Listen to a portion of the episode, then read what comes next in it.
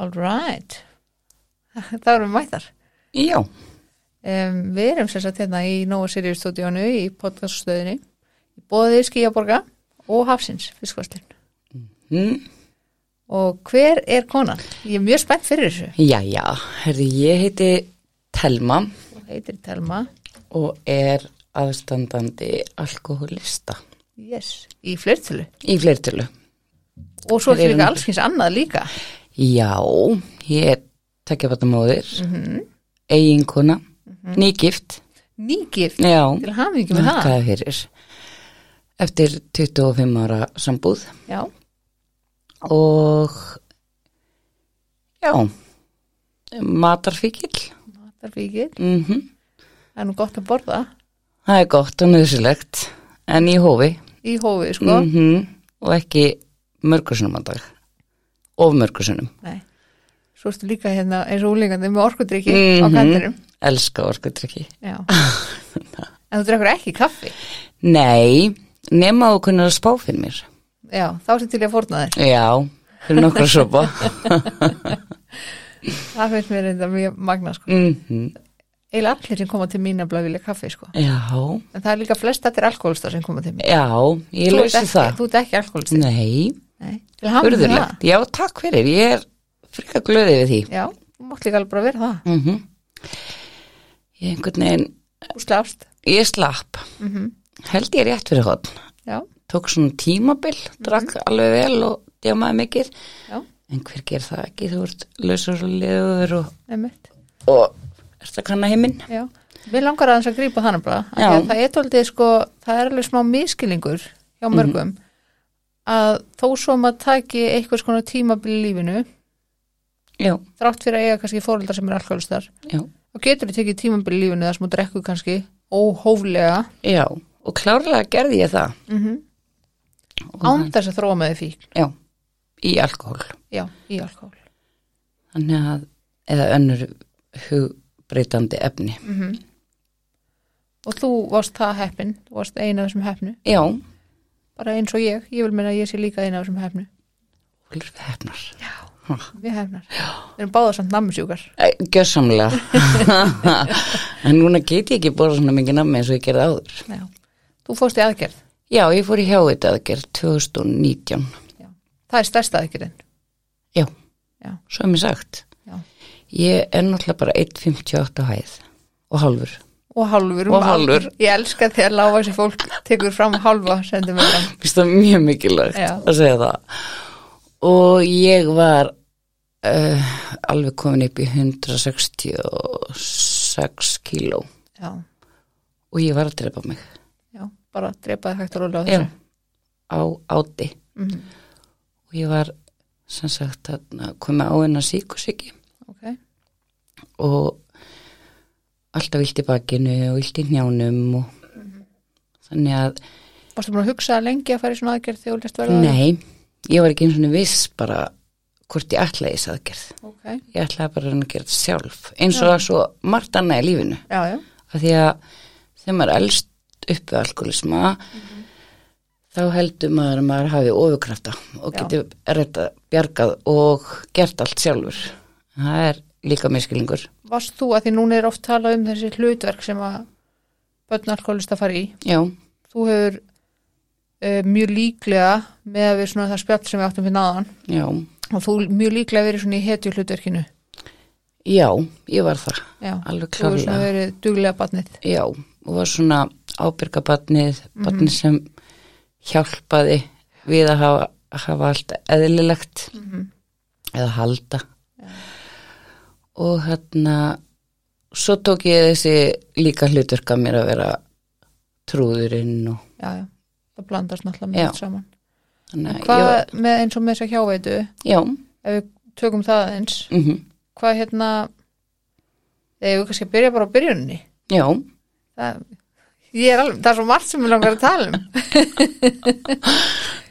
Bara þetta stefnir í langt podcast. Það stefnir í það sko, Mhm. mjög margt sem við langar að ræða. Mm En ef við byrjum á byrjunni Ok, afsakið þetta Mætti að halda að það var eitthvað aðti hátíðin í stúdíónu Byrjum á byrjunni Ok uh, Hvernig var bara uppvöxturinn? Hvernig var hérna hvernig var, bara hvernig byrjaði lífið þitt?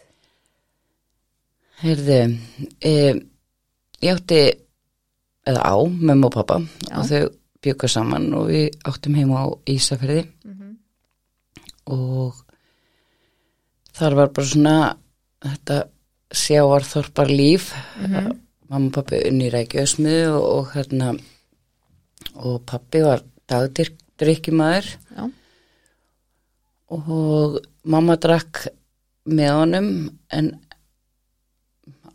held ég ekki mjög illa þá um, var hún dagdur ekki kona líka? nei, ekki þarna Nei, nei, nei, ok. og hérna við sem sagt byggum þarna í litlu gulu húsi Já, og hérna og ég átti sem sagt nágrana í næsta húsi sem var svona gamall virtur kall. Mhm, og hann var með barnagirind ok. og hann sem sagt spottaði mig út á samt fleirum sem ég vissi bara mörgum árum setna af ok. Og hérna og hann sem sagt náði í mig því ég voru út að leika mér eða út í garði eða eitthvað staðar og fóð með mig heim til sín og út í bílskuruna í mannan átti sagt veika konu Ok, svona rúmliggjandi. Og þar misnotaði hann mig. Hvað ertu gömul þarna þegar þetta byrjar? Ég flytt frá Ísafjörði því ég er nýjára Já. Og þetta stóð yfir í einhver ár þannig ég veit ekki hvað ég komið þetta byrjaði. Ok, þetta stóð yfir í einhver ár. Já, Ok, og sagður frá þessu? nei, Nei, ekki þarna. Nei. Og ég sem sagt þarna, hann náði í mig og let mig eh, sem sagt strjúka á sér kynfærin og gerði það við mig líka og en hann sem sagt nöðgaði mér ekki. En gerði þetta er náttúrulega jafnókislegt og hérna það slít með hafa minn mög við sig og hann hafi minn mög við mig og ok. eða Já. Bara misnotaði þig. misnotaði mig um, já og þarna það, það það hætti í rauninni bara þegar ég flytt Já, þetta er eitthvað virtu maður hérna í þessu. mér fannst það alltaf eins og hann væri mjög virtur en svona ég allavega vil meina það að, að það er svona þessi sem vissu ekki af þessu. Mhm. og ég man ég var með barnabarninans í skóla.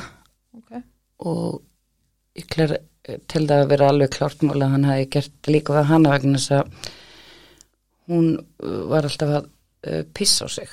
Hmm.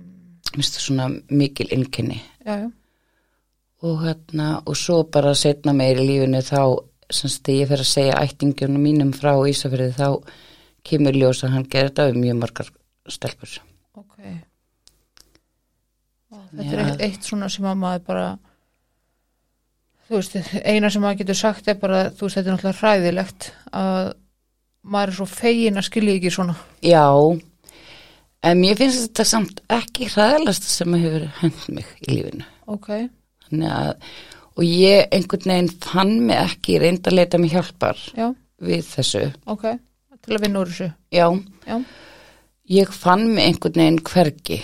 Nei, og hérna, mm, og en það sem, já, Ok, en það sem ég gerði einu sinni að ég var á Ísafirði og, og hérna í heimsókn. Og ég man að frængu mínar voru með börni mín. Ok, og ég ætlaði bara svona að labba hans í bæinn. Og ég labba að húsinu og mér, mér þótti það alltaf mjög erfitt að labba fram hjá þessu húsi. Og þessi kall náttúrulega lungu farinn. Já, og hérna og ég banka upp á og ég man alltaf þetta kemur svona eldur kona og ég segi bara kynni mig og og dembi svo svona á hana. Bara ég var að misnotað af manni sem bjó hérna fyrir mörgum árum og, og ég var að hugsa hvort ég mætti lappin í bílskurinn ykkar. Hún bara, já örglega ég er nú bara amman hérna í þessu húsi og, og hérna uh, en ég skal alveg leiða þær það. Og, og fór afsaka drasli í bílskurnum uh, og ég sagði að það væri nú bara eðlilegt að væri drasli í bílskurum og ég, ég vildi bara semst fara þarna inn og taka myndina úr hausnum á mér Já. út og sjá bara hvernig það væri og að það myndi hjálpa mér eitthvað hún lappa með mér þarna inn og þetta var bara mjög heimilislegu bílskur Já. Ok. og hérna og það bara hjálpaði mér alveg helling Ok. Það er frábært. já, svo var ég með svo mikið samvæsku byttu út að hún var bara að passa hérna barnabönn sín Já. Að, að ég finn út hver sonurinn hennar, er og fer til hans í vinnuna hann á Ísafjörði og, segir hann mig að það er kannski aðeins skelkað mömmans við Já. og hérna og hann var náttúrulega bara í áfalli en fa- fannst samt gott að ég gerði þetta Já. Og þetta einmitt hefur bara hjálpað mér rosa mikið og núna þegar ég, þú veist, þegar í einhverjum aðstæðum ef þetta kemur upp að hérna ef ég- einhvað tryggarast maður heyri sögur eða eitthvað þá sé ég ekki lengur aðstæðina sem ég var í því að bann Ok. heldur sé ég heimilislegan bílskur Þannig að þú er búin að skipta út myndinni. Já, að því þetta hafði alveg áhrif á mig til dæmis þegar ég var að eignast mín börn þá hafði það þau áhrif á mig að bæði fæðingunni þá hefur ekki stjórna líkonum þínum Mm og þarft að já. þarft að koma barnin út Já, já. og, og ég gæti náttúrulega ekki stoppa það Nei. að þá tryggaðist ég Já. og eins hafa börnin mín á brjósti Já, já, já. Ok. og að því að þá þarft að gefa barninu það greitur Mm og hérna Það vart ekki svona alveg við stjórn. Þá er ég ekki við stjórn með Já. eigin líkama. Já. og hérna og þá kemur ég meitt þessar brjóstalöggu ljósmaður hérna. Og og ég, ég við, semst, stráki minn Já. eldra barni mitt þá laug ég öllum að ég hafi bara mist mjölkina og að því ég skammast mín svo fyrir þetta. Og ég vissi ekki að, þetta getur gerst þannig. Já, já, já, ég var ekki að tengja. Síðan þegar ég eh, tala ég við kon, eða veist, á, bara vinkona mín. Já. hún var svona brjósta ráðgjafi. Hún segir mér þetta. Síðan varði ég á litastelpunum minni og ég var sem sagt þegar ég var búin að eiga hana þá staði ég strax ég var ekki búin að ákvæða hvort ég ætla að hafa hana brjósti við ljósmaðurinnar og síðan eh, hérna þegar ég fæ henni í fangi þá segi ég bara nei, ég ætla ekki að hafa hana brjósti. Og þetta varð bara riflildi og þetta Já. var bara þetta var bara leiðinlegt og óþarfi. Bara sem svo var þú ættir að skammast þín. ég, það var alveg þannig. Já. og, og ég manna að það var ungkona sem svona alveg hreitt í mig bara þú veist ko- kostin og gallina, gallana. Og hérna og ég sagði svona alveg vita það. Og hérna síðan þegar ég kem heim með hana þá kemur önnuljósmaður og þá sem sagt fyrir ég hálfpartin að rífast við þá konu Ok. og ég manna vinkonu minni hjá mér og og hérna og það enda með að ég svona hálfpartin öskra á ljósmaðurinn að ég hef verið misnátt kynvislega því ég var krakki og ég myndi bara að ekki vilja og kerði mikið með að hafa barnið mitt að brjósti Ok. þá þagnaði hann Já. Ok. En það þyrfti og þá var ég farin að titra og, og lákunni tár á þess að ég eða gerði mig grinn fyrir því Já. hvernig, hvað, hvað það hafi mikil áhrif á mig. Þannig að það er bara ótrúlega skrítið. já, einhvern veginn hvað það er einhvern veginn verið að sko láta konur skammast sín. Já, í rauninni. Eða fáfræðisla semst í náminu ég, já ég, það, ég, veit að ég hef ekki hugmynd um hvað kendi þessu námi. Nei, ekki heldur svo sem. En þetta er líka bara í umræðinni algjörlega, út á götu sko. Veist, það, það er þessi brjósta mjölkur mafía. Já, já. það er eins og þetta sé það er löngu búið að sanna það að barnið þitt var alveg nóga næringu já, úr öðru. Algjörlega. Og mín börn eru bara hraust sko. Já, þó það er ekki brjóstamjólk dóttir mín að aldrei fengi brjóstumjölk þá hún Já. bara mjög hraust Þannig að fólk þarf alveg, þú veist, aðgátt skal höf- höfði nærveru sálar, sko. já, og Það þetta er þinn líka mjög þú ræður hvort þú Já. viljir gefa barninu þínu brjóst eða Mm Og fólk þarf bara aðeins að, að passa sig. já, algjörlega Og ég meni, ég veit alveg þetta er enda svona 2023, sko. já, því miður Mhm.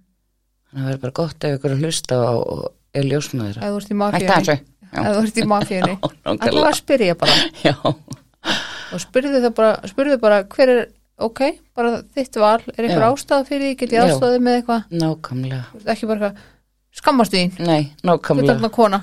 Algjörlega Það er náttúrulega bara, það er bara ljótt.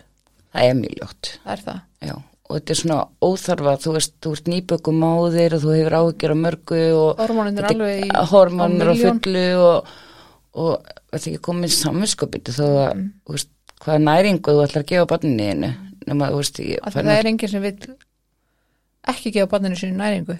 enga veginn. En hvað, hérna, ég til dæmis vissi ekki að svona geti triggerað með brjóstakjöf. Nei, Ég hafi ekki hugmyndu það. Það er Maður alltaf held- að læra eitthvað nýtt. já, ég held að sé nefnilega ekkert margir sem vita þetta Nei. og kannski einmitt fólki sem þyrst- já, nú klárlega vonandi bara að það berist sem víða að þetta getur tryggarað og, og ef að konur sem hafa lent í þessari umulegu reynslu Mm eru að undirbúa fæðingubass Mhm. að þetta annarkvort að vinna vel í sínu málum eða hafa þetta allavega mjög á hérna baku eirað -hmm. Algjörlega. Þannig, og líka mitt fæðingin Mm Bara hafa þetta bak veira og vera þá bara undirbúin undir það. já. Þú veist. og í rauninni finnst mér að, að það ætti að vera hérna eiginlega bara svona spurningalisti Mm -hmm. þú ert að fara í fæðingu. Hvort, af því að þetta þetta hefur tryggara margar, margar konur sko. Og er bara því miður algengara heldur en fólk gerir sér grein já, það er bara rosa algengt. Því miður Hvað ertu svona cirka gömul þegar þú segir frá þessu? Ertu orðin fullorðin? eða- ég er með minni ég hafi verið 16-17 ára Já, ok. þegar ég segi, ég var búin að segja einhverjum vinkonum frá Mm þegar ég segi pappa Já, mínu frá þessu og konunni hans Já.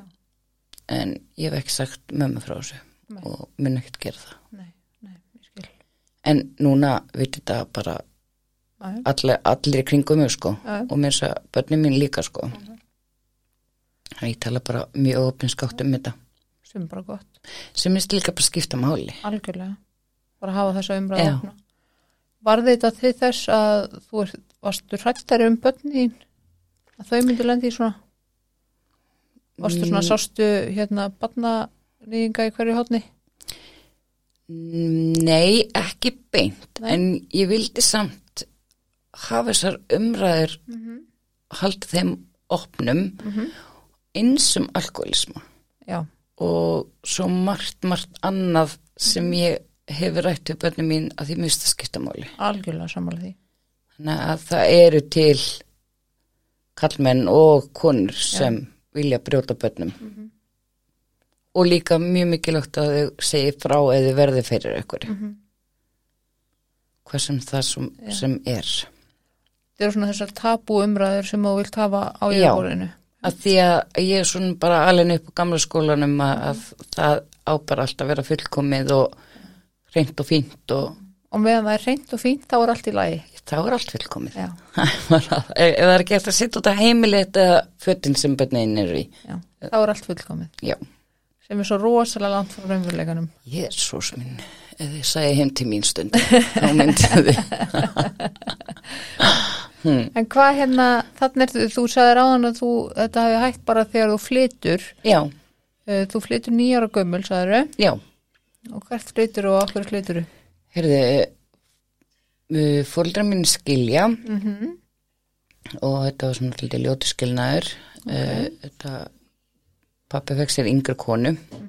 Og hérna, og mamma semst flyttum með okkur uh, þrjú allskinnin til Akureyrar. Ok, og hérna þá hætti þessi kynfyrslega misnótkun já, hann var ekki að náða mig þangað. Um, þannig að það hefur verið allavega léttir? Já. Ég man samt ekki eftir að hafa hugsað þannig en sjálfsagt hefur það alveg pottitt verið það. Alltaf erfitt að að gangi gegnum skilnað eða var það kannski Eh, það já. erfitt? Ég, held að vera að tala um nei, að hérna e, það var sorglegt að hérna þau skildu, ég man eftir því. Já, ég trúi því. Já, er það alltaf fyrir Já. börn alltaf og bara, bara áfall sko. Já, já, og, já. en svo var líka spennandi að flytja til Akureyrar. Þar átti ég ömmu og, og frængu sem var ára eldri en ég. Ok, sýstrina mömmu. Ok, þannig að við flytjum þangað og, og þá svona byrjar uh, drikkan hjá mömmu að vestna mjög mikið. Ok. Hún ætla bara reið og nýskilinn og Mhm. einstamóðir og og smá biturð. Já, hún var það. Já. við flytjum í blokk sem er svona hérna, félagslegt húsnæði. Ok, félagsleg húsnæði í þar voru svona einstæðar maður, maðurum og plantað. Mm, og þetta var svona allar konur sem voru mikið fyrir að fá sér glas. Ok. Þannig að félagskapurinn svona ítti kannski líka undir drikkjuna hjá veðinni klárlega.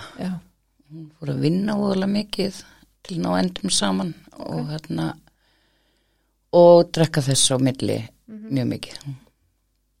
Þannig að það var mikið drikkja inn á heimilinu? Já,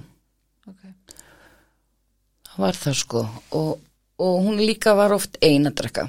Ok, og hérna þar byrjaði sem sagt hennar drikja að vestna rosa mikið. Og ég að læra ljú uh, já, að ég tók þá mjög mikil ábyrð á bræður mínum. Já, var svona aukamáman á heimilinu. Ok.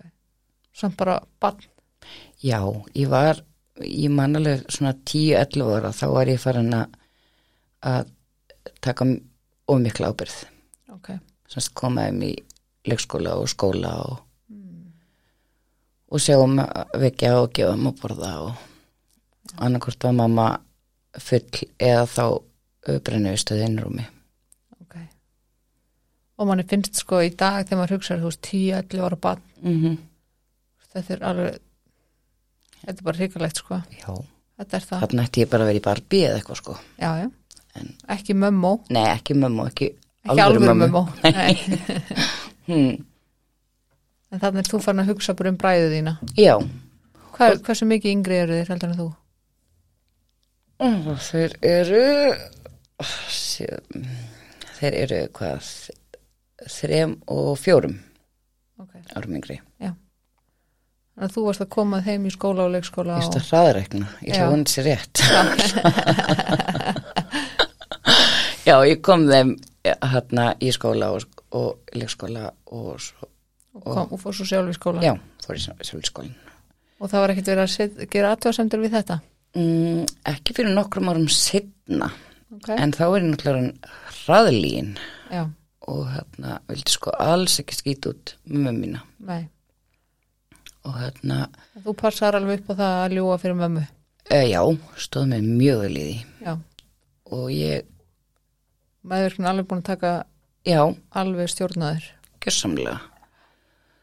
Þannig að ég hérna laug á yfirvöldum og laug rosa mikið á ömmu minni. Ok, því hún var að ringja og spyr hvort að mamma væri heima og ég sagði bara nei hún, e, jú, hún er eitt styrtu eða fór út í búð eða kunni rosa miklu afsakanir já, fyrir hana. En þá var hún kannski bara einhvers staðar full.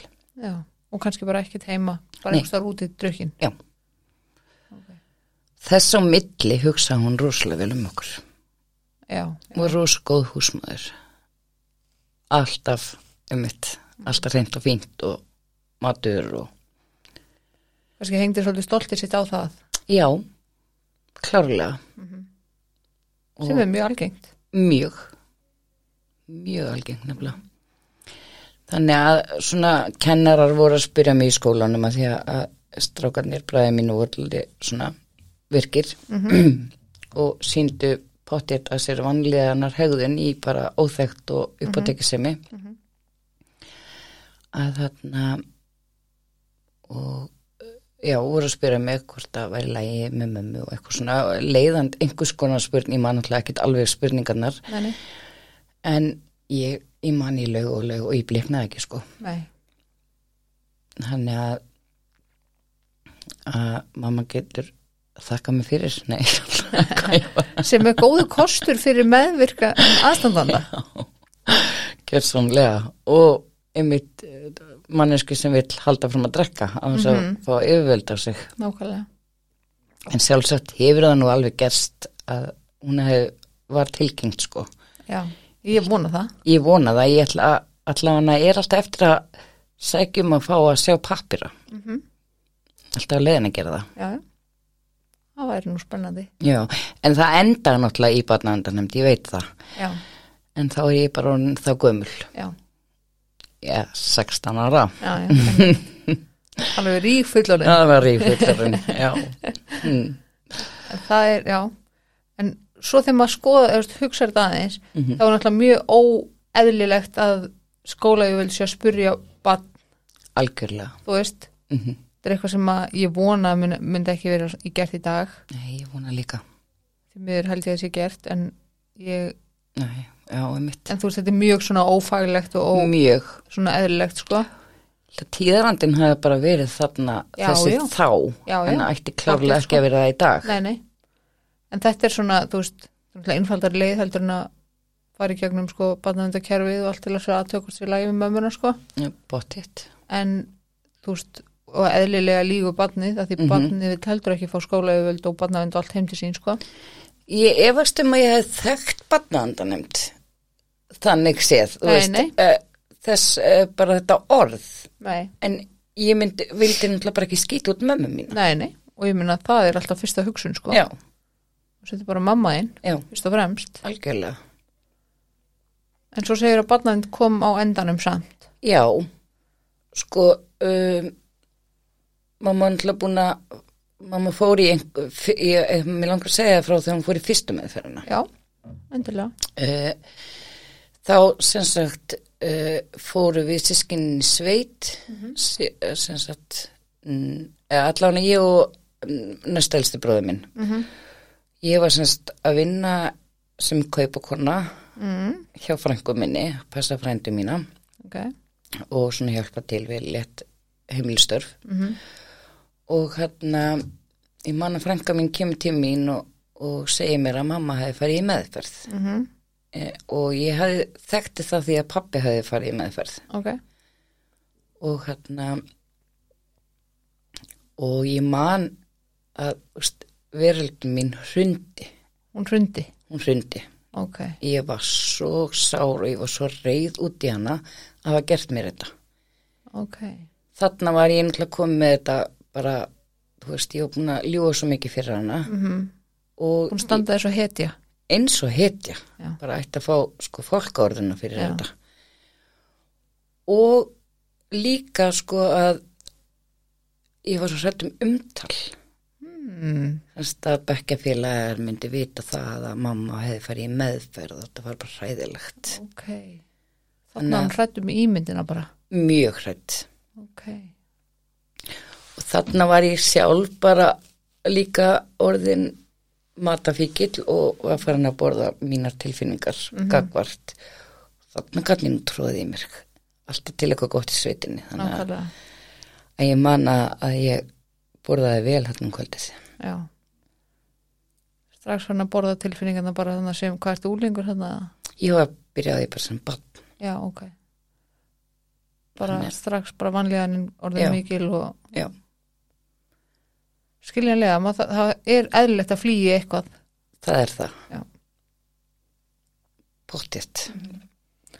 en þú flúðir aldrei ekki á þessum, ekki svona ung í áfengi eða Nei, ég hef mjög miklu fordum og hvert bæði hérna síkartum og, og áfengi og já, ég vissi Ok. náttúrulega kannski bara ekkert hvað eitthvað var hann heldur Nei, en, nei, en allavega áfengi og síkartum Þetta og var, mikil vonbreið þetta var rosa vonbrið, þetta var óbúslega sárt. Já. og ég var mjög reið út í mömmu. Já. virkilega reið sko. Náðu hann einhverjum bata eða náðu hann að vera eitthvað etru eða... Nei, hún náði því ekki. Hún náði einhverjum mánuðum og, Mhm. og held sér út í vinnu og Já, kom bara eitthvað nýtt í staðin já, og sund og ljós og fund og eitthvað svona. Já, þannig að þessi, bara þessi já, svo bara he- hún og, og, og þetta versnaði. hvernig laðist það í þig þegar hún fjall aftur? ég man að ég varð alveg svegt að því að Já. mér sko fannst hún alveg óbúslega leðileg drukkin. Já, ok. Óbúslega leðileg og svo voru líka þú veist, komið alveg fyrir þó það ekki komið fyrir oft í minningun allana þá voru alveg svona partí heima, Ok, eftir partí já, og þá man ég að- stundum komu inn einhverjir kallar og, og byrjuðu að aðeins að káfa á mér og, en þú veist, voru ekki alveg að sá djúran djúran eða var plaggutin í herbygginu mínu eða þú Nei. veist ekki að þú veist, gera sér grein fyrir því að þetta væri batna herbyggi einmitt. Eða gera sér grein fyrir því og bara ætla að nota. Já, en það var aldrei einhvað alvarlegt en samt einhvað sem ég man eftir. Gerir þú í grein fyrir að þú gerir lítið úr því sem þú hefur lent í? Nei, þessu já. Já, ég, já, það er bara alls ekki eðlilegt og það er bara alvarlegt Nei. þegar koma fullorðin Æ, menn heimtíðin og í eftirparti á mömmuðinni og fara að káfa því sem batni sko. það er það. En ég einhvern veginn svona að þetta var bara svona einhverjar já, ég ger áttur lítur þessu Já, já. Já, guðmur bara- góður, ef þú myndir koma til mín eða einhver einhverja mín, þá myndi ég bara uh, sjú, bara, ups Já, já. finnast það já. en já, vissulega er ég að gera lítur því og þetta er kannski eitthvað sem ég þarf að vinna með meira Mhm. segir mann kannski það. En það er bara, þú veist, fólk gerir þetta, já. Og stundum þarf maður bara að láta benda sér á það, já, algjörlega Mhm. þannig að, já, nákvæmlega. Að því að, þú veist, ég veit þú myndir ekki gera lítið úr því ef þótt ég myndir segja það frá því. guðmur góður, nei Nei. Þannig að þetta eru bara svona hlutir sem að maður kannski svona, að því meina þú átt stóra sögu, veist, þannig að þetta er bara eitthvað sem maður kannski bara fellur svolítið í skuggan. já, klárlega veist, og kannski var þetta bara þannig að þetta er bara eitthvað sem að var kannski bara aðeins svolítið daglegt brauð já, þetta gerist alveg nokkur sinnum Já, að þetta verður kannski bara úst, mér finnst ekki það var ekki daglegt brauð á mínu heimili að það væri eftirparti, það eitt já, það, ég, ég er bara, bara, að, ekki eðlilegt á já. heimili. Nei, ég man að sérstaklega í minningunni að þetta var sem sagt þarna að þe- þessi e- eftir þrjú partí mm veist, það er náttúrulega loka allt þá þrjú að þarna að ég mér kveið allt um kveið alltaf mikið fyrir þeim. Já, og svo koma fram og þá var kannski búið að brjóta eitthvað eða, eða þá að hérna, mamma var döðin í stofu eða eitthvað svolítið og þarna er líka verið að búa til mikinn kvíða hjá eða úlingi mjög. Sem er verið til þess að þú ferð og leitar í eitthvað sem í þínum tilfellu var matur. Algjörlega. Og það er, maturinn gerir það verkum að þú ert að sefa hérna bara vanlega henni næna, algjörlega, þú veist borða tilfinningarnar maður gerir það. Já, og þetta er, þetta er bara það sem mjög margir eiga sammeilegt og það er að gera lítið úr því sem maður, maður lendir í. Já. Þessi og, kynferðislega er ég að gera til svona lítið Já. úr finnst mér. Já, og ég mér alveg svo sagði ráðan þetta er nú ekki að versta sem ég lendi nei, með hræðilega margra ára kynferðisofbeldi. Nei, nákvæmlega. E, og, mér, og mér finnst það reyndar ekki Nei, nei, og ég ætla, ekki, ég ætla ekki að segja þér hvernig ég líður með það, sko, alls Nei. ekki. En þetta er svona bara það sem maður gerir líka held ég til þess að lifa af. Já, ég held að maður gerir það ég líka held að ef maður eigi mikla áfallasögu þá Já. einhvern veginn verður maður að, að hérna, svona sikta survival. út já, já, hvað, hvað maður ætlar að algjörlega, sko. Ég held að það sé alveg klárt. Mm en hva, hvernig er það, þú veist um, fer hún oft í meðferð hún fer alveg nokkur sinnum já, hún fyrir mjög oft í meðferð Ok. og eh, Hvað er þið á meðan? Var um, það á Akureyri eða? Já, við vorum á Akureyri og hún einhvern veginn fór í meðferðir þegar hérna þegar annarkvæmt voru sumar eða eitthvað þannig hún var svona eh, ég man allavega ekki eftir að hafa þurft að fara út af heimilinu hún fór í meðferð Ok, um, hún fyrir oftar þegar ég er flutt að heiman. Mm. en það sem sagt er þannig að ég uh, ákvað að flytt ég fekk svona eiginlega nóg að ástandinu og, og hérna bróði minn var uh, farin í, uh, yngsti bróði minn var farin í fóstur til Ísafjörðar til bróði pappa ok, konun hans. Og hérna eh, og ég sem sagt ég fer til Ísafjörðar eitt sumar og er að vinna. Eh, sem sagt sumar eftir nýjendabæk Já. þá var- ekki tíundabækur já, og hérna kem heim og finn það bara að ég sagt nenni ekki að vera þarna. Nei, bara komið nóg að sá. Já. Og átti mjög góð eða á mjög góð vinkunu og, og við svona hjálpuðum hver annari mjög mikið. Það var svona þegar slæmar hann heimilisaðstæður hjá henni þá var hún heim hjá mér og svo öfugt. Ok, og að það er mjög dýrmætt. Og við sem sagt kynnumst þarna því ég er nýjára og við erum ennþá vinkunir í dag. Ok, nema að við fáum þessa hugmynd eh, hérna, að flytja Ok. til Reykjavíkur og fara að vinna og hérna bara 15-16 ára. 16 ára, já Ok. Svona rífullarnar. hann er rosa fullarnar og ég semst eh, man alltaf ég hingi pappa og pappa hefði enga trúas Nei, og ég segi bara, leiði mér að búa hjá þér í tvær vikur og ég skal vera búin var að hann vinna fluttu til Reykjavíkur eða? já, hann hefði flutt til Já, Reykjavíkur já, já, ok. uh, og hérna ég skal, eftir innan við tvekja vegna var ég búin að finna með vinnu og einhver, einhver, einhver stað til að búa. Hann samþykir þetta og, og hérna og ég ger þetta. Ok, ég semst leiði mér herbyggi svona til stort herbyggi svo vinkona mín getur nú fluttið mín. Mhm, og byrja í bakari ok. drauma staður fyrir Það er drauma staður fyrir einhvern sem er gott að borða óhaldlistu. og hérna já og það bara gekk glimrandi vel. Ok, og hérna og ég ætlaði bara að prófa að búa hérna í einhvern smá tíma og flytti svo aftur til agur og, og byrja í, í framhaldsskóla. Mhm, en bara út af heimilisaðstæðum og kvíða og bara öllu já, ástandinu heima þá gekk mér ekkit og engin hjálp náttúrulega gekk mér ekkit rosalega vel í skóla. Nei, eðlilega ekki. en hérna og allt gott með það þannig að ég fyrir bara að vinna í þessu bakari og, og finnst bara svona ljómandi gaman að búi í Reykjavík. Ok, og stuttu setna þá kemur mamma úr meðferð og kynnist þar manni. Í meðferð. í meðferð. Ok, og þau ákvað að byrja að búa saman. Já, það er nú alltaf, það er klassik. Það er alltaf góð uppskrift. algengt að vera ástungin í meðferð Já. veist þannig að Líbrium ástinn, já, nákvæmlega. Hmm, það, það, er, það er mjög algengt. mjög algengt.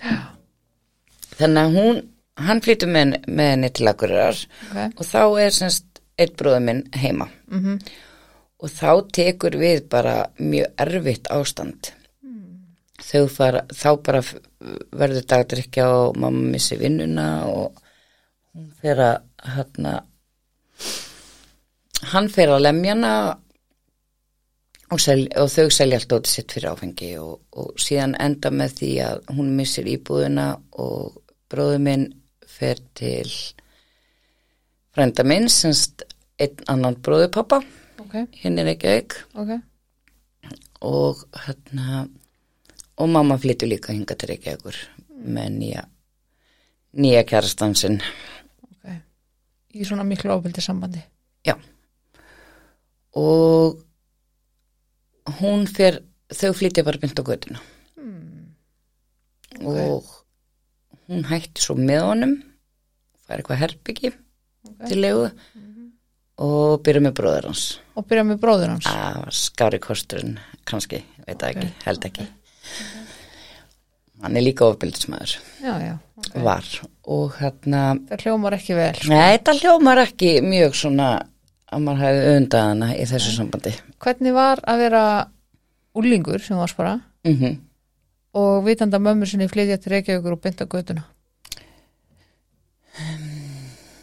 Það var, það var einhvað til að fá sér meira kók og súkulæði já, yfir. ég trúi því. Það var mjög erfitt. já, ég trúi ég líka. Ymmit líka ennþá að þessari tilfinningu að passa ímyndina. já, erfitt að segja frá því að mamma mann búið á götunni. Já, erfitt líka að einhver sæjan á göttunni. mm Þarna var hlemmur, aðalstaðurinn Mhm. og hérna og já, þetta var bara þú veist, ég var ekkert að labba laugavegin eitthvað, nei, eitthvað ganni mínu. Nei hrættum að reykast á hana? Já, og kannski ekki fara eitthvað á djammi þá? Að, jú, jú. Já. Ég sé alveg að hún var kannski ekki eitthvað á þeim hún var ekki á þeim stöðum sem ég var að, Nei. þú veist var á, hún var á bara svona stöðum þar sem fólk var á sem var í hennar ástandi sem Já. kannski bjóð göttinni og... já, þarna sem sagt tekur bara við nýr kapli í lífi mínu sem er daldi, svona erfiður. Varstu svolítið heldtekin af því að mamma einn byggja á götunni? Já, þú væri dóttir bara útigangskonu í rauninni? Í, já, sem hún var klárlega Já, og ég var dóttir hennar. Og hérna ég var svo reið út í hana. Mm -hmm. og ég þurfti reglulega að fara og finna hana til að segja henni það. Já, Hvað var hún væri tilfinning sem þú losnaðir ekki við. Já, og ég þurfti og ég man að meira þess að pappi gerði mig stundum að leita að henni. Ok, og ég var og hérna ég var farin að vita um allar vestu hólur Reykjavíkuborgar mm bara svona í greni. greni. Það sem útgangsfólk held sér til. Mm og hérna og og ég fór bara gert til að garga á hana. Ok og raunverulega helst að myndi virka? Já, já, en það virkaði ekki. svona virka meðvirknin. Það er bara þannig. Og ég var kannski stundum ég var náttúrulega mjög miklu áhugur eðlilega. En ég glemdi þeim því ég sá hana því þá blossaði upp reyðin mm -hmm. og þá náttúrulega sko já, koma bara oft fram í reyði algjörlega. Og það er bara þannig. Mm það er bara alveg svo þegar lítið barn hoppar upp á eh, veist, hoppar niður af borði eða er að klifra þá verður maður, getur maður oft orðið aldrei reyður já, en ástæðan er að þú hefur að barnum með sig. Algjörlega. Já, þannig að ég var náttúrulega ekki há í loftinu því ég lappa inn á þessa staði og, og, og það voru all, mjög margir farnir að þekkja mig. Ok, hann er dóttir hennar. Já. hann er að leta henni og sögðu mig jafnvel hvar hún var. Ok. og auðvitað fekk ég upplýsingar hjá þessu fólki hvar næsta greini var. Já, já, en hún sem sagt þarna var í því að drekka áfengi og spritt ok. og kallumannadrópa hún fór ekki í hörðuefnin. Sem er, ótrúlegt já, en samt er bara áfengi hættulegast efnið, sko. Klárlega. Já. hvernig brást hún við þegar þú varst alltaf að mæta? Mm, stundum sá hún ekki neitt, stundum reyfst hún við með á móti, stundum fór hún að grænja. okay. Það varst mér eiginlega best, best, best þegar hún fór að grænja og held ég að það náðu til hennar. ok. Það var kannski bara svona drukkinn eða, já, en sjálfsagt, þú veist, hún alveg, er alveg með samvisku þannig að hún hefur sjálfsagt þótt þetta mjög erfitt og mjög bara- leðilegt, já, já. klárlega, það er ekki sem vill vera það, sko klárlega ekki. Ég get ekki ímyndað með það. nei, nei, nei, nei. Og svo fór ég líka reyna bjarginni, ég fór að ringja á og, og ringi í hlaðgerkót og Krísuvík og alla þessa staði til að reyna komin inn. Svo kannski þegar komaði að hún átt að fara inn, þá komst hún ekki. já, það var náttúrulega ennþá meira ástæð til að sér köku eða gargaðana já, já, þannig að bæði andlega heilsan og líkamlega heilsan vestnaði hjá mér. Stundum fór hún inn eftir ég hringdi. Og stundum hringdi hérna eitt bróður pappa sem því mér miðurlátin, hann var svona daldið mikill sálfræðingur fyrir mig. Ok, og ég gætt svo mikið hringt í hann og sagt honum hvernig mér leið. Ok, og ég hafði líka kynst Alan, Alatín Ok, jólulingur ok. eftir einhverju meðferðina hjá annarkvort með með pappa og síðan fór ég ok, en allan að þessi frændi minn hann líka sem sagt uh, reddaði henni stundum minn. Ok, í meðferð. Og kannski var hún þær í tóta fór út já, og ymmit, bara svona aðeins til að fá sér að borða og kvíla sig. já Já, og svo var ég eftir nokkur ár var ég alveg löngu hægt að hjálpa henni með þetta því að ég vissi það að það ég, hún var ekki að gera þetta fyrir mig nei. Og ég minna, fólk þarf að gera þetta fyrir sjálfan sig. klárlega, Það er bara þannig. já, Það gerir þetta ekkit minna erfitt samt. alls ekki Nei. og líka sem fór alltaf svo mikið í töðnara með að, að þarna svona þegar við erum að ræða alkoholisma Mm og alkoholista að, að hafa svona verið að bera með mína sama, kannski saman Já. Æ, hún var samt ekki svona slæmi sem að menna telmu Já, og hann að hann að því að mamma mín var á götunni mhm. eh, þá það er var hún margar verri kon en einhver annar. já, Já, já, þetta. voru kannski ég og einhver einhver manneska sem átti alkoholistaka fóreldra Mhm. að, að hérna tala saman að þá svona var það svo hrikala lóa að vera á götunni að þá varstu meira alkoholist en þú varst heima hjá þér að drekka. Sama magni kannski. Já, þannig að hann að heita mínjalka komplexar. Já, já, þannig ég, ég segi alltaf það skiptir ekki máli hvar þú ert eða hver þú ert eða hvað mikið þú drekkur þú ert alltaf, alltaf jafn mikill alkoholist já, já. er ekki mæli eining á það Það er ekki mælt í magni eða nei hvað það heitir eða hvað þú Eftir býrð, búsetu. Sko. Nei, nei. Það er alveg mikill alkoholisti hvort sem þú býrð í gistiskilinu eða að það er daldið þannig þannig að já og uh, áður en að konukot opnaði þá mitt fekk mamma undan þá að sofi í gistaskilinu Já, ok. þannig að og svo svá hún oft á bara í fangaklefa Já, já, ok. ekki þegar hún gerði eitthvað að sér það Nei, bara þegar hún átti ekki stað til að sofa Já, já, ok. Og það var það bara ekkert í bóði fyrir konur. nei, Nei, ok. síðan uh, var hún á konukoti Já. mjög oft Var hún lengi á gödunni? hún var á götunni í sko um, Hún er verið einhver ár. hún er mörg ár Já, hún var alveg yfir 25 ár vá. mm Það er rosalega langu tími. rosalega langu tími síði, já það, síðan gerist það að hún sem sagt hérna lendir í slisi hún er sem sagt drukkin, hún og maðurinn hennar hún var alltaf með sama setni bróðurinnum Ok. Og Hvernig þróast það samband? Var, veist, náðu, var- náðu þið einhvern tíman að vera etru eða voru það bara alltaf í því eða, þau náðu nei, þau náðu aldrei að vera eitthrú ok, neitt í einhvern langan tíma. Nei, uh, mamma náði lengst að vera eitthrú sem sagt 99 ok, og það voru sex mánuðir. Ok, og þá bjó hún uh, í krossinum. Já, já, ok, og hérna og þá náði hún já, þessum sex mánuðum. Og þá var ég mitt ólétt af mi, fyrsta barninu mínu.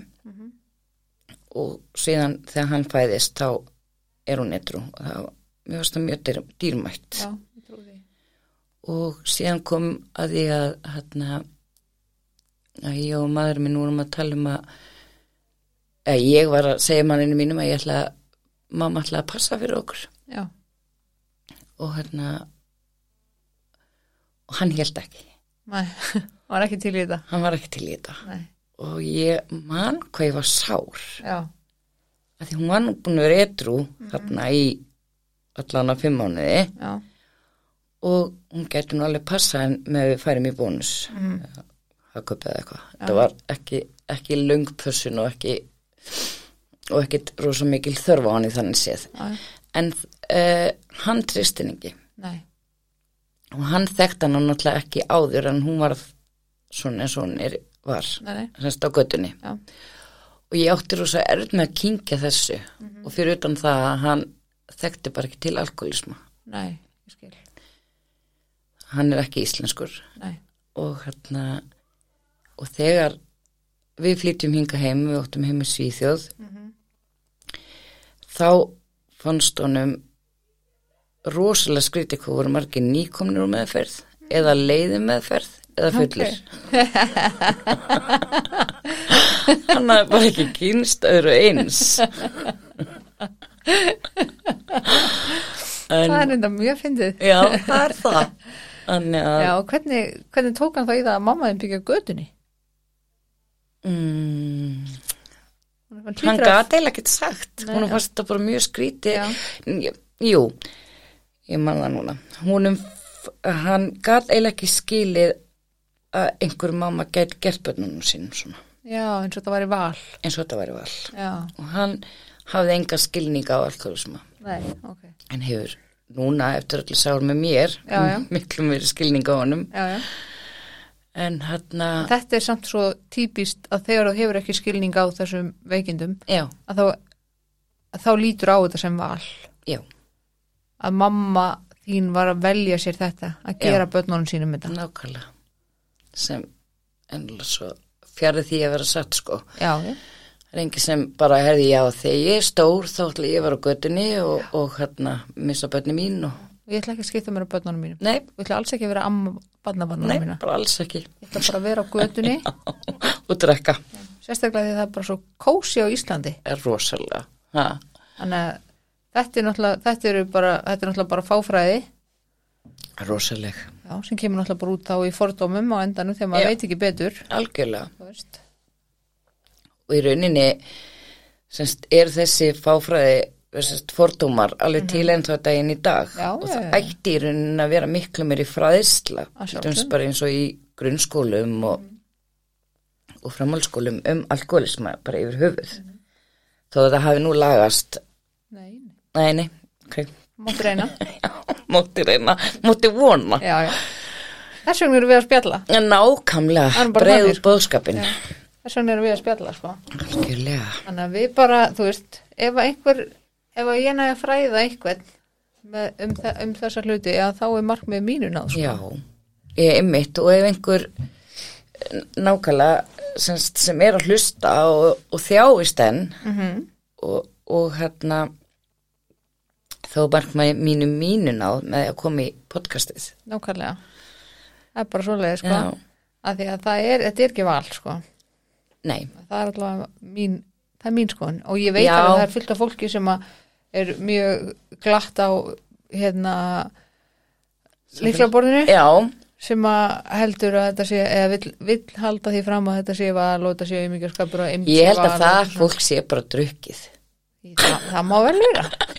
Og bara skál fyrir ykkur þá. Nákvæmlega. Það held ég að sé hérna það fólk má endilega bara heyra í mér og koma spjall.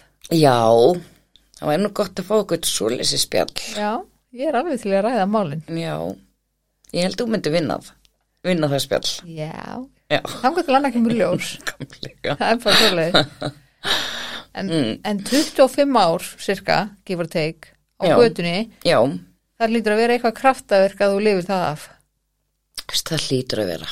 Alveg svo ég sagði um, við ömmu mína, mömmu hennar sem sagt, veist, bara úr hverju bjóst hana til. Já. Og voðalega vandar þig. Þetta var engin kvikki í þarna Nei, nei, alls ekki. Bæði hún var bara, er bara uh, hérna, mjög falleg kona, hún mamma mín og bara, og var semst, mjög góð mamma, bara lasin. Bara mjög lasin. Og hérna og rosalega góð. Já, og það sem sagt uh, bara á konukoti til dæmis var rosalega vel talað um hana. Ok, hún var alltaf róleg nema þegar hún var að drekka sprit. Það, það fór ve- verið í hana.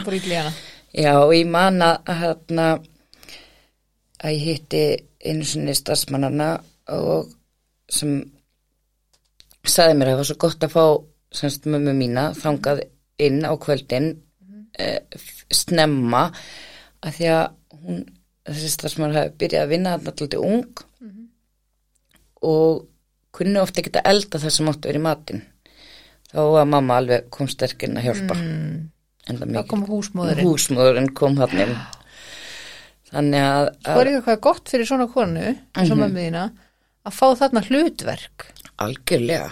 Þú veist, og algjörlega. götun í öll þessi ár, já, koma hann inn í konukott já, og fá hlutverk, fá að vera hann að húsmóðurinn sem hún er inni við beinið. algjörlega. Þegar hún var í standi til þess. Já, nákvæmlega.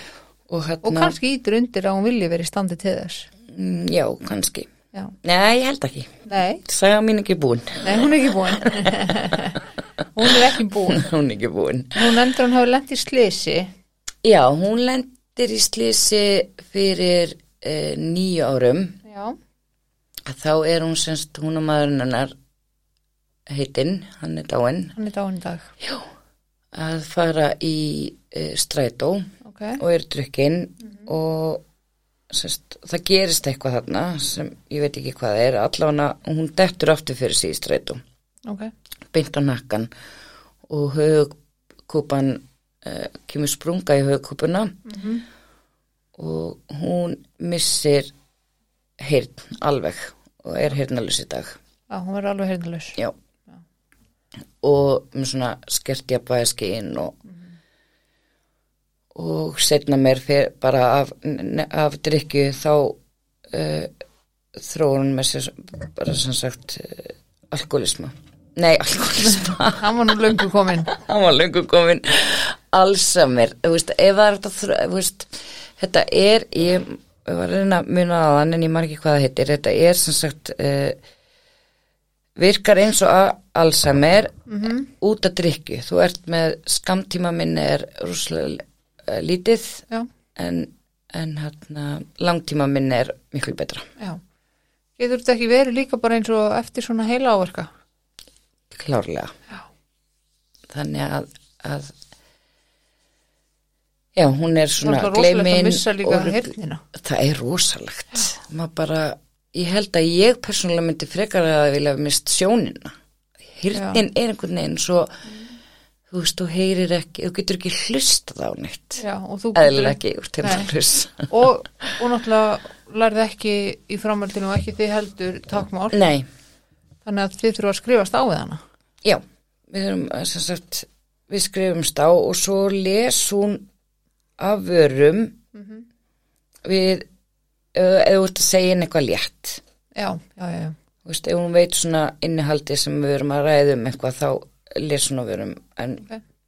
en við skrifumst bara á við hana Já. og það náttúrulega er ekkert þú veist, þú heldur ekkert upp í lungum samræðum Nei. eða neitt, þú ert ekki að rökra eða, eða, eða svona kjafta lengi Nei, það er bara allt öðru vísi. allt öruvísi Já, þannig að, að, að, að þarna mist hún alveg mikið mm En þarna er hún sem sagt uh, lendur hún í þessu slisi og hann ætla bara að flutta á spítala og er á gjörgæslu. Mm nokkrum dögum uh, fimm dögum setna er ég látin vita. Fimm dögum setna, tveim, tveim, já. Ok, og fer það náttúrulega eða strax upp yfir og hérna og þá er hún komin af gjörgæslu bara hann stutt á gjörgæslunni og er byrjað að drekka ok.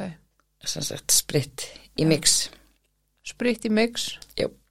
ok, og ég er náttúrulega að verð óbúslega við starfsfólki og spítalunum já, já, eins og þess að það sé eitthvað þeim að kenna en já, já, alls ekki nei. en þá hafði hún verið með í töskunni sinni Já, og, og eðlilega bara auðvelt að komast í sprittið á já, spítalum. en hún myndi bara að hún ætti mig en hún myndi samt eftir semst mixflöskunni sinni í töskunni sinni og byrjar að drekka það ok. og fólki náttúrulega bara, þú veist starfsmennir Þannig að hún fyrir ekki að blanda sér. Nei, það var tilbúið Það var tilbúið í, flösk, nei, í töskunni í töskunni, Já. já, Ok. Þannig að þið, þetta segir manni hvað fíknin er sterk. Mhm. Þú, hún held að hún var gift pappa þarna Já, já, og held að hún ætti bara mig ok. En hún myndi eftir Já, eða spritinu í mixinu. Ó. Þetta segir manni svo hvað Þetta fíknin svo er, þetta segir svo allt eila, hvað fíknin er sterk. Mhm. Hún myndi ekki eftir tveim börnunum sínum nei. en hún myndi eftir, Og hún myndi Þessu. ekki eftir án ætti annar mann. Nei. Nei. En hún myndi eftir spritinu. já, ég vann með þetta sprit í mix, góðu drikkur örugla. Einmitt, Nei, mér langar ekki að smakka. Nei. Hmm. En hvernig var svo framaldið á þessu? Þetta eru, Já, þetta, þarna bara, þarna held ég myndi hætta, já, klárlega. já, Hún, þarna tekur bara við sem sagt að hún er á spítalunum í einhver tíma og fer svo á uh, grensás í endurhæfingu og þarna fer ég náttúrulega í bardagirinn að berjast fyrir veiku mömmu mína mhm. og Hvernig gekk endurhæfing? það gekk vel. Ok, Henni er náttúrulega, hún vil gera allt upp á tíu, hún vil hlýða læknum og hún vil nema að hætta að drekka náttúrulega. Það telst ekki með. Það telst ekki með.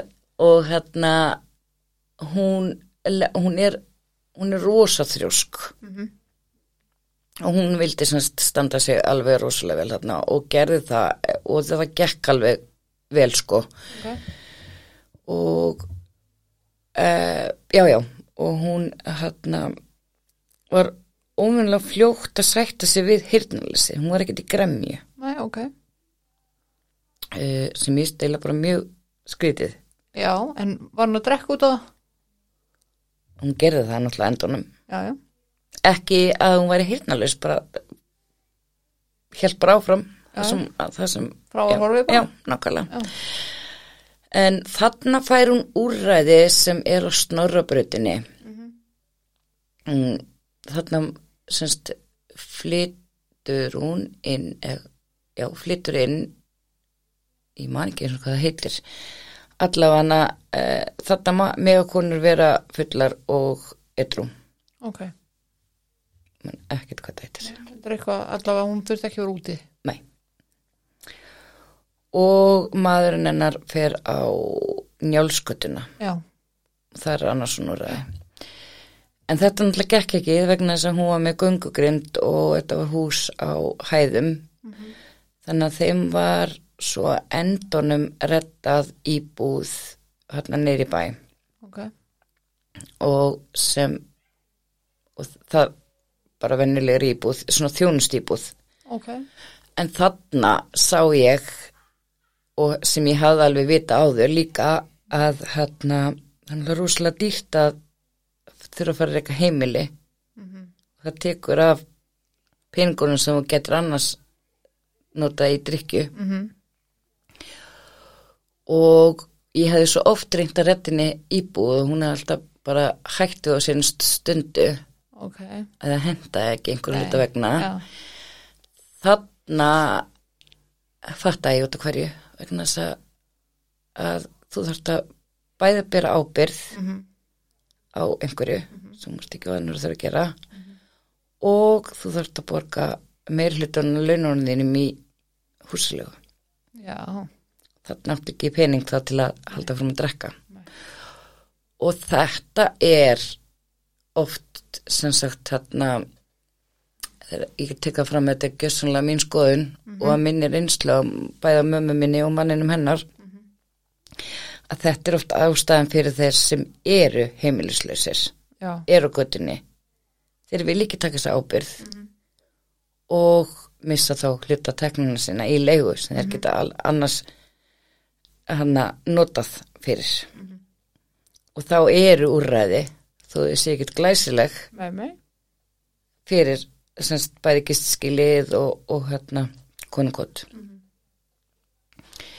þannig að það er Sem er kannski mjög ekki allir, eh, eh, það er mjög sorglegt en það Já. er kannski ekki þú veist, er ekki ég, er- ég er ekki alhæfa Nei, en nei, ég held nei. þessi stór hluti fólk sem hérna er heimilislaust sem sest, vill ekki sá ábyrð Mhm. og tímir ekki peningunum og er það veikt að það kýs fyrir ekkar að vera en að fá íbúð Mhm. Já, sem er mjög sorglegt. Sem er mjög sorglegt. Algjörlega. og hvað þá í svona uh, hrikulega áferð eins og er núna með húsnæðismarkaðin mm. hann er alltaf hræðileg núna. Hann er hræðilegur. Þannig að nú veit ég alveg að fólk ágætt efnaði að, taka sér íbúðalegu. Algjörlega. Þannig að, já, en þarna sem sagt uh, haldaðu bara áfram að drekka mm í þessar íbúð okay.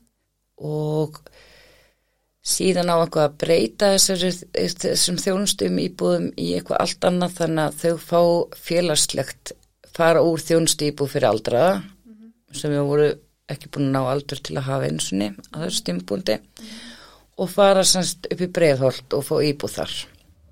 Ok, fél, og íbúð þar ætluðu nú að vera etru þarna voru þau komin úr miðbænum. Já, það var nú alveg að eðleika fyrir þeim allt. Já sjálfsög En mamma mín, hún náttúrulega bara fór á göngugrindinu sinni, hérna lausnir í mjótt, í ríki þar. já, Og það var svona hennar rúndur ok. Og því heldur náttúrulega bara áfram og þá voru þið svona, orð, orðin aðeins fítnir alkoholistar, voru ekki að, að voru hætti í, í spritinu. Ok og voru farin að, þá var ekki lengur hægt að segja nú skára en mamminu telmi nei, nei, þarna var hún komið í búð já, og fann að drekka vodka. reynu. spreytinu Já, eitt spritinu. Uh, já, og þarna var bara ástandið, þau voru bæði, þú veist, þau voru hægt að baða sig mm.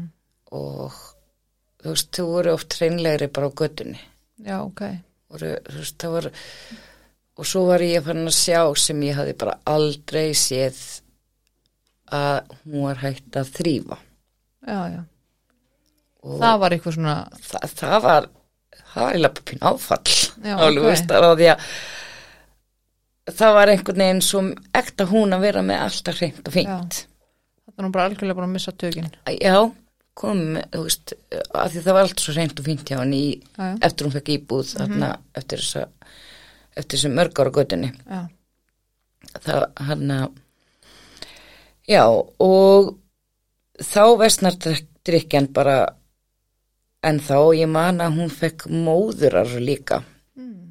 Og uh, þá eiginlega breyttist hún tóldi mikið, bæði drikkjan var miklu meira, meiri. Og hún fór að vera svo vondu mannin sinn þú, þú veist, hann hafi beitt hana alltaf ofbeldi. Svo voru þau eiginlega fann svona slást ok, og svo var hún, hún farin að beita hann þarna ofbeldi. Ok. Og hún alveg sko barðan og, og ég man að einu sinni ringir hann í mig bara grátandi og byggðum að koma og ég var bara ég, veist, ekki að nenna því og, bara, og þarna var ég þessu tímapunkti var semst uh, var ég heimsækjaði bara sjaldan og var búin að vera svo lengi alveg nón að ég var gerði það bara því mig langaði til þess. og ég kom bara inn í kærleik í, alveg í sama hvað ástandi þau voru. Já, bara alveg á þínum fórsendum alveg á mínum fórsendum og ekki með neina kröfur. Og og ég, svo, og, og ég var ekkit bara alls ekki duglega að fara til þeirra heldur. En þarna ringir hann í mig alveg niðurbrotin og segir bara að hún sé uh, með hnífa og sé að reyna að strep, drepa hann og, og og ég heyri á honum og hún var virkilega alvara og hann var eiginlega ekkert fullur. Já, já, og hérna, þannig ég ákvæmna að fara, fara upp yfir og hérna þá er hún alveg rosalega drukkin og er með hníf búin að uh, meiðan í rauninni. Uh, en hefði örgulega verið búin að drepa þeir nývarni væri betri. Já, ok. Og ég sem sagt ákvað þarna að ringjan er að geða delt því ég sé að hún er þó hún sé svona drukkin þá er hún mjög skrítin. Ok, og ég taldi bara að hún væri geðrófi og hérna og, og geðdelt segi bara já, þú er bara hringilega örgluna ég segi og ég bara útskýri fyrir þeim að ég myndi alveg ná að koma inn út í bíl. Hún segi já, við tökum hann ekki nefnum hún komið örglfyllt já, já, og ég er bara, já, ekkert málið ef að það, það er það sem dugar þá bara ger ég það því ég hefði alveg ofta reynt að koma inn í inn á geðdeld og, og í að, á aðra meðferðastofnunir og með miskoðum árangri. Og ég vissi að geðdeldin væri en einstaklega erfið. Já, ja, það var mín reynsla. Já, nema hvað að ég ringi lögregluna og lögreglan kemur þarna inn og, og er svona með ægi hálkert bara attitude. Og þannig til ég útskýri fyrir þeim bara þú veist að hún bara væri veikona og, og ég væri dóttirinnar og, og geða til það beðið mig um þetta. Mhm. og og þeir taka út í bíl og segja mér að koma eftir þeim. Og ég segi bara út af hverju er, er þið ekki bara að fara með, með hann að ég er okkar einsla sýnir oft annað. Og ég bara, já, já, ok, þú veist og pældi eiginlega ekkert í orðanum þeirra, heldur bara eldi þegar við komum nýrtir þá semst, fyrstulega þurftu að býða rosalega lengi frammi. Og var mjög erfið bara þú veist, öskrandi hrækjandi ógnandi við annað fólk sem var á byggstofunni ok. Þannig að þetta tók sko, þetta var svona annar önnur hlið á henni en ég hafi ég hafi bara aldrei séð þessa hlið á henni. Nei, ok, því hún er bara annarkur bara hundleðileg full eða bara voðblíð og góð. Já. og þegar við komum hérna inn búin að býða hérna í þrjá og halvan tíma eitthvað og ég man að ég semst uh, var mjög upptekinn þarna, ég, ég var að uh, ég var í raunin að svíkja börni mínum eitthvað. Já, þannig ég var eiginlega var orðin mjög pyrruð á býða þarna. Mhm. Og hérna og ég svo er okkur leift inn og þá er okkur sagt að hún sé of drukkin til að leggjast inn á geðdelt já, og ég bara, þið eru með fíkn geðdelt deild hérna. Og, já, það, og mér var sagt að það myndi bara ógna sjúklingum, öðrum sjúklingum og þau myndi bara semst uh, hæ, þeim, þeim það er of erfitt fyrir aðra sjúklinga að fá hana svona drukna inn. -hmm. ég bara, heyrðu, þið sprautu bara einhverju drasli í hana og hún sopnar -hmm. hún getur, ég get ekki haft hana. Og hún var reyna að stinga mann sinn. Og það var bróðdrykkin til að taka á hún eitthvað mat og jari, jari, jari. Nema að endunum stend ég upp og ég nú talið vera bara mjög góð kona og ég, þú veist, ekki blóta ekki mikið að eðlisfæri en ég stóð upp, ég sagði öll ljótstóri sem ég kunni við þessu konur. Og ég var búin að láta kalla á yfirmann líka. Og ég var uh, svo reið og ég bara, hvað á ég að gera við hana? Ég bara, kerinu henni er lögreglstöð Vist, ok, þið notið lögreglunni fyrstulega sem legubílstjóra því ég var búin að segja við ykkur ég gæti komið með hana sjálf. Og svo vil ég bara að þér- að sé hótel líka. Þannig að ég, mér var allri bara, uh, ég, ég fæ ennþá bara, ég verði ennþá reyðpínu þegar ég hugsa um já, þetta. já, ég sé það Mm Þannig að, en allavega, ég eh, semst kem henni heim til sín mm. á endunum, heim til sín aftur já. Og þá var, sem sagt, já, ég var að tala um semst móðurarfina því að hún drakk hann út, en þarna var hún með valdi, þarna var hún með meiri peningin og rekningin sínum mm -hmm. og hún var ekkert endilega að deila því með manninu Nei. þannig að þá var hann náttúrulega bara búin að finna, veist, hún, hún svo fyndin. Hún faldi víni alltaf á sama stað bæði þegar ég var krakki Mm og svo fyrir manninum. Alltaf baku kaffivillina Já. svona eða hann já, allavega hann náttúrulega bara drakk drakk sér fullan en það er búið að reyna að stinga greið. Mhm.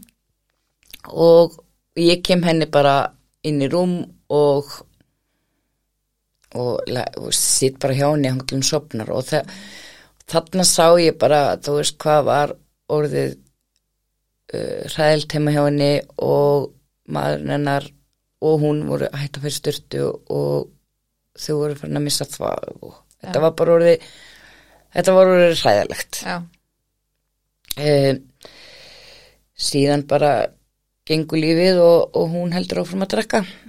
Um, síðan þetta þá ringir sem sagt maðurinn hennar í mig.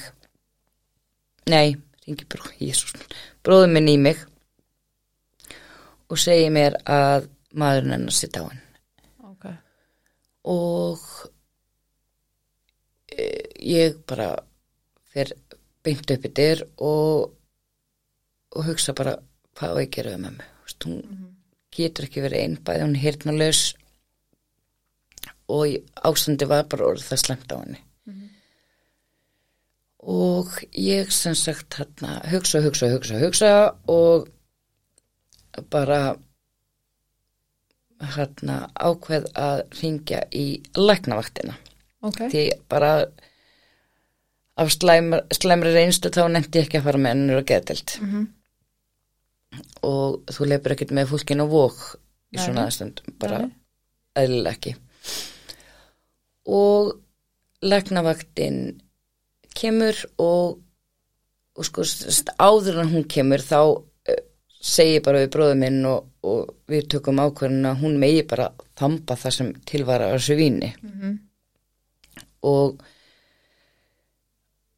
og e, rannsóknarlörglan kemur hann og talar aðeins við mig og segir við mig að, að maðurinn hennar sé búin að vera látin þannig í nokkra daga í nokkra daga. já og ég fyrir hann yfirbæði til ná í aðeins fött fyrir hana og síkaretur og eitthvað og ég og sagt, Þannig að hún er búin að vera með hann heima á sér dáin í einhverja daga. Já, og hann líkur þannig að hún þurft að, að klofa, þú veist, fara í, semst, klifra yfir hann til að komast inn í eldús.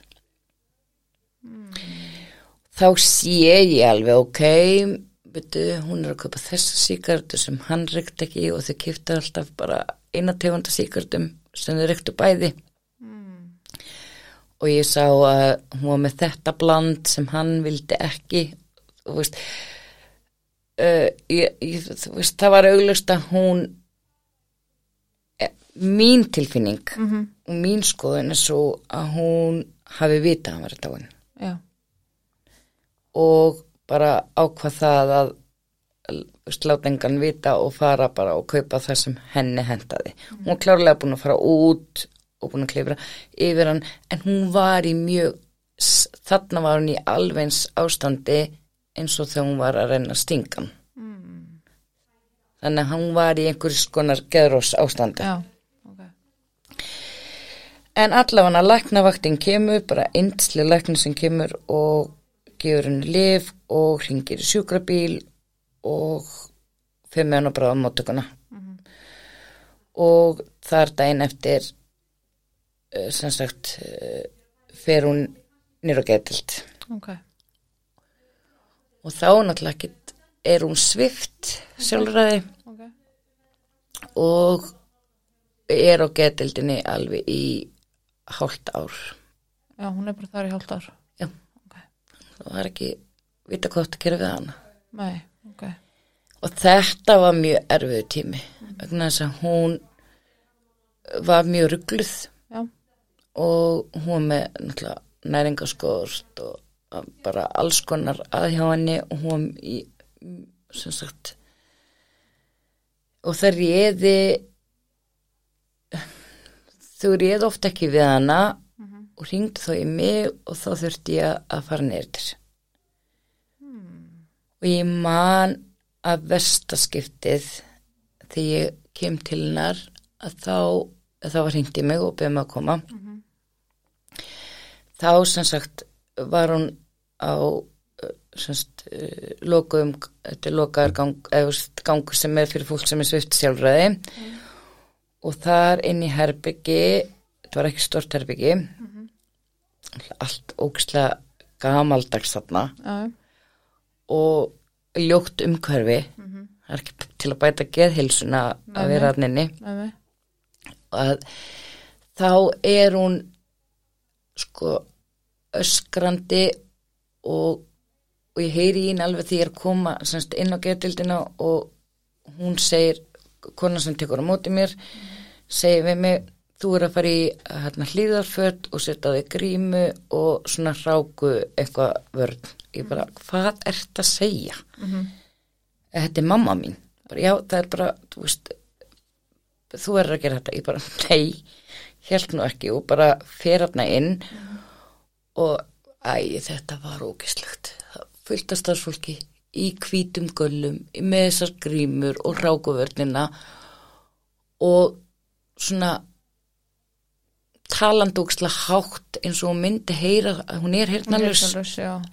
og þetta er svo mikil óvirðing og ég, ég varð rosalega reið og rosalega sár og ég bara út með alla kallmenn, fylgta kallmennum hann inni, þetta er bara konu sem sem hefur stóra áfallasögu verið mannúðleg já, er ég lagði hana, hún var alltaf rosa glöð að sjá mig lagði hana upp í rúm ég vafði hana svona eins og unga bann bankaði að baki á henni og bara helt fast utan um hana.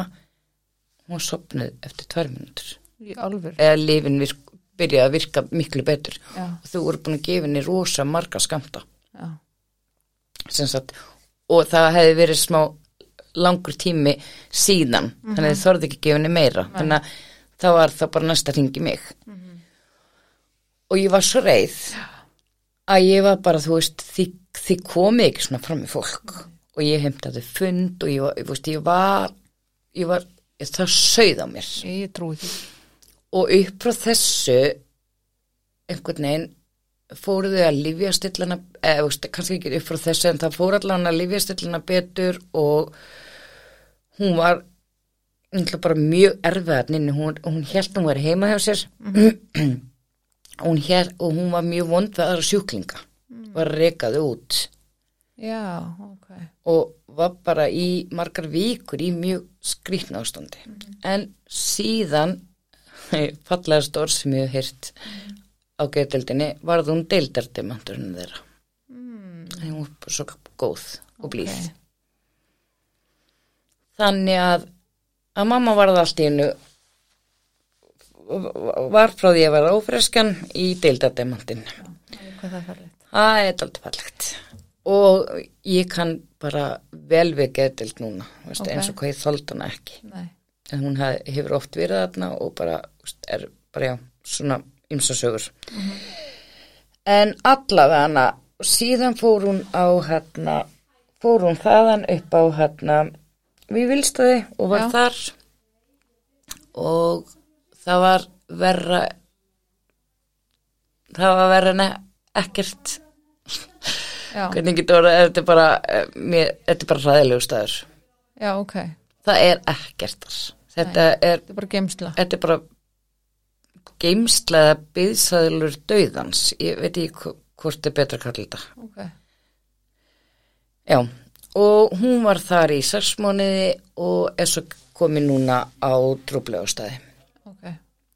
Hún er samt 66 ára. Er það elli heimilið eða? já, það er dvalarheimili fyrir aldra ok, Þar er hún og auðvitað, þú veist, hún missir mannin sinn sem hún er búin að vera með í þessi ár. Hún missir vínið, já. sem var besti vinnu sinn. Mhm, og hún missir það, að hún náttúrulega getur ekki farið út þegar hún vill. Og hún náttúrulega ratar svo sem ekki og, og hún er rosalega góður feikari. Já, þannig að fólk heldur það er að tala við hana að hún sé miklu bet, á betur stað en hún, en hún er. Og, og mi- ég er svona bara orðin mamma mömmu minnar. Já, og nú er ég svona með svo mikla ábyrð á henni einhvern veginn. Hvernig gengur þér að setja henni mörg? um, misvel. En ég fór til sálfræðings fyrir tveim árum. Nei, tveim árum. Fyrir að sumar. Og þar lærði ég aldrei að setja ok, mörg og sálfræðingurum benti mér á það að ég myndi hérna hafa reglu mm veist, bara á lögadegum heimsækjarna punktur. Já, mér hefur svona gengið misvel að fara eftir því. Ok. því að hún getur semst, hún er svona eins og fræktbann já, já, bara getur við farið út já, um helgina, getur við gert þetta? Getur, og ég er oft farin að segja bara við hann í sikubíl og, já, já, já, og hérna og hún er náttúrulega hernalaus og hún er mjög einangruð. Mhm, og hérna já, en þetta hefur alveg tekið toll af sambandi við mannin minn, við börni mín og, og svona ímislegt þannig að en ég, mér finnst ég einhvern veginn aldrei veist, ég sirkjana það sem ég held að hún hefði get við hefðum geta orðið. Mm -hmm. mæku sem var kannski að skreppa í kringluna saman við Já, slöku já. föt, veist, það er ekkert gaman með hana. Nei, nei, það er bara það er erfitt að koma inn í veist, í bíl og það er erfitt, að bara vera með hana.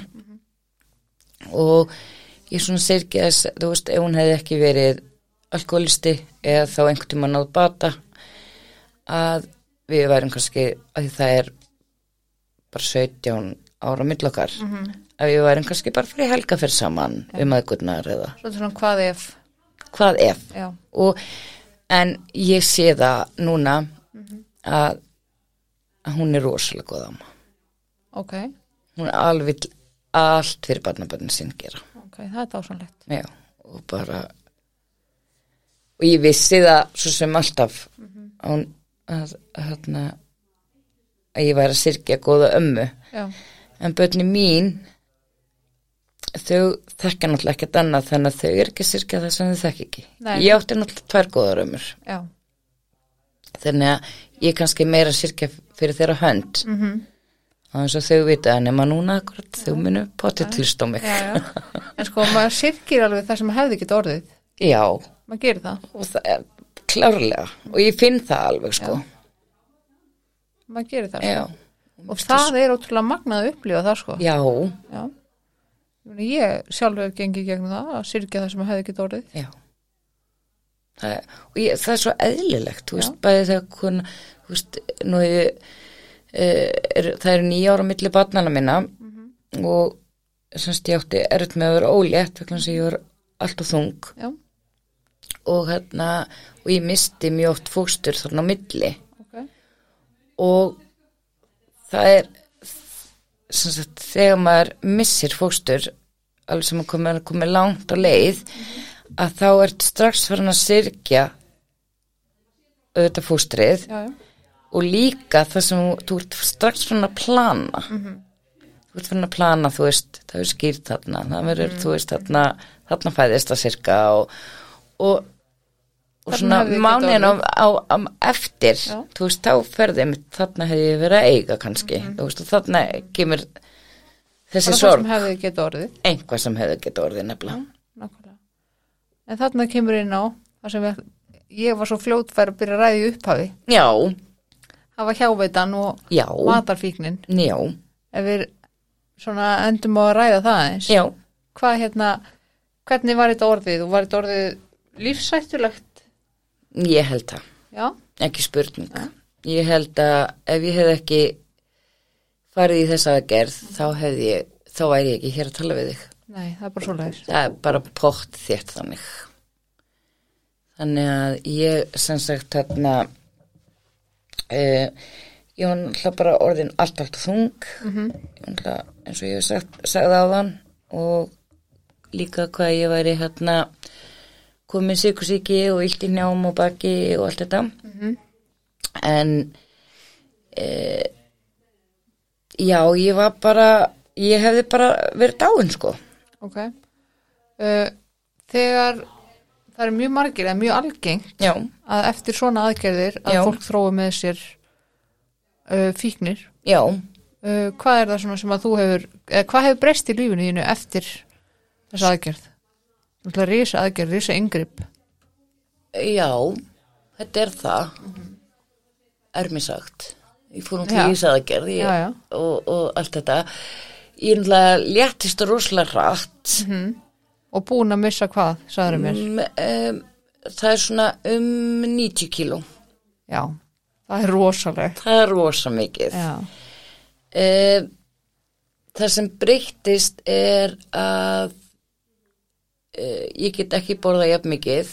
Nei, og ég varð að finna mér eitthvað annað og mér strúslega gaman að fara í gungutúra ok það er ekki gaman endalaust. Nei, Nei, en, en ég, ég sem sagt fór þá bara að ég fór í aðra fíkn til dæmis. Mm -hmm. drekka rosa mikið orkudrykkjum. Já, uh, ég hef dótt í kaupfíkn. Mm -hmm. tímabils ástund og, og hérna veist, föt á sjálf mig. Já. og rosa gaman að og skemmtilegra. Ske miklu skemmtilegra. Já, mm,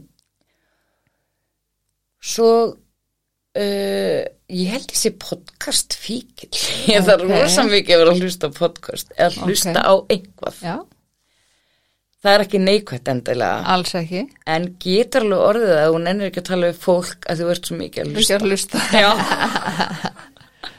þannig að það má vera millivegur já, það má fi- ég- allt fara út í öfgar Já, og, veist, og ángríns að hlusta á eitthvað eða fylgjast með einhverjum með Instagram eða snappin eða eitthvað Mhm. Þetta, ég, ég er sem sagt, ég held ég sé bara svona ég, ég fyrir alltaf út í öfgar í öllu ok, sem ég tek fyrir með hendur. Það er bara svona einhver fíkn í þér. Það er bara fíkn í mér. Já, en það búin til að tveim fíklum. Nákvæmlega. Áttir ekki séns. ég, átti ekki séns. Það er bara þannig sko. Og enda er ég mjög oft hrættum að hrættum börni mín. Og ég minni þau alveg reglulega á mm. -hmm. Um sína afa sinn og mm -hmm. frændfólk sitt og, algjörlega, og bara svo mig sjálfa. Já sem er bara eðlilegt, já, þú veist ég alltaf- ekkert meira en eiga barni neslu nei, ég trúi því alveg. Mm -hmm. og bara, þú veist, sem er bara svo eðlilegt en það er bara, en því Að maður fólk kemst li- lifir það af alveg eins og hvað annað. Já alveg alveg eins og ég lifi að eiga fóldra sem er alkoholistar það er helviti harður heimur. Mjög harður heimur, já. En maður getur ekki annað gert þannig að vera til staða fyrir fólki sitt.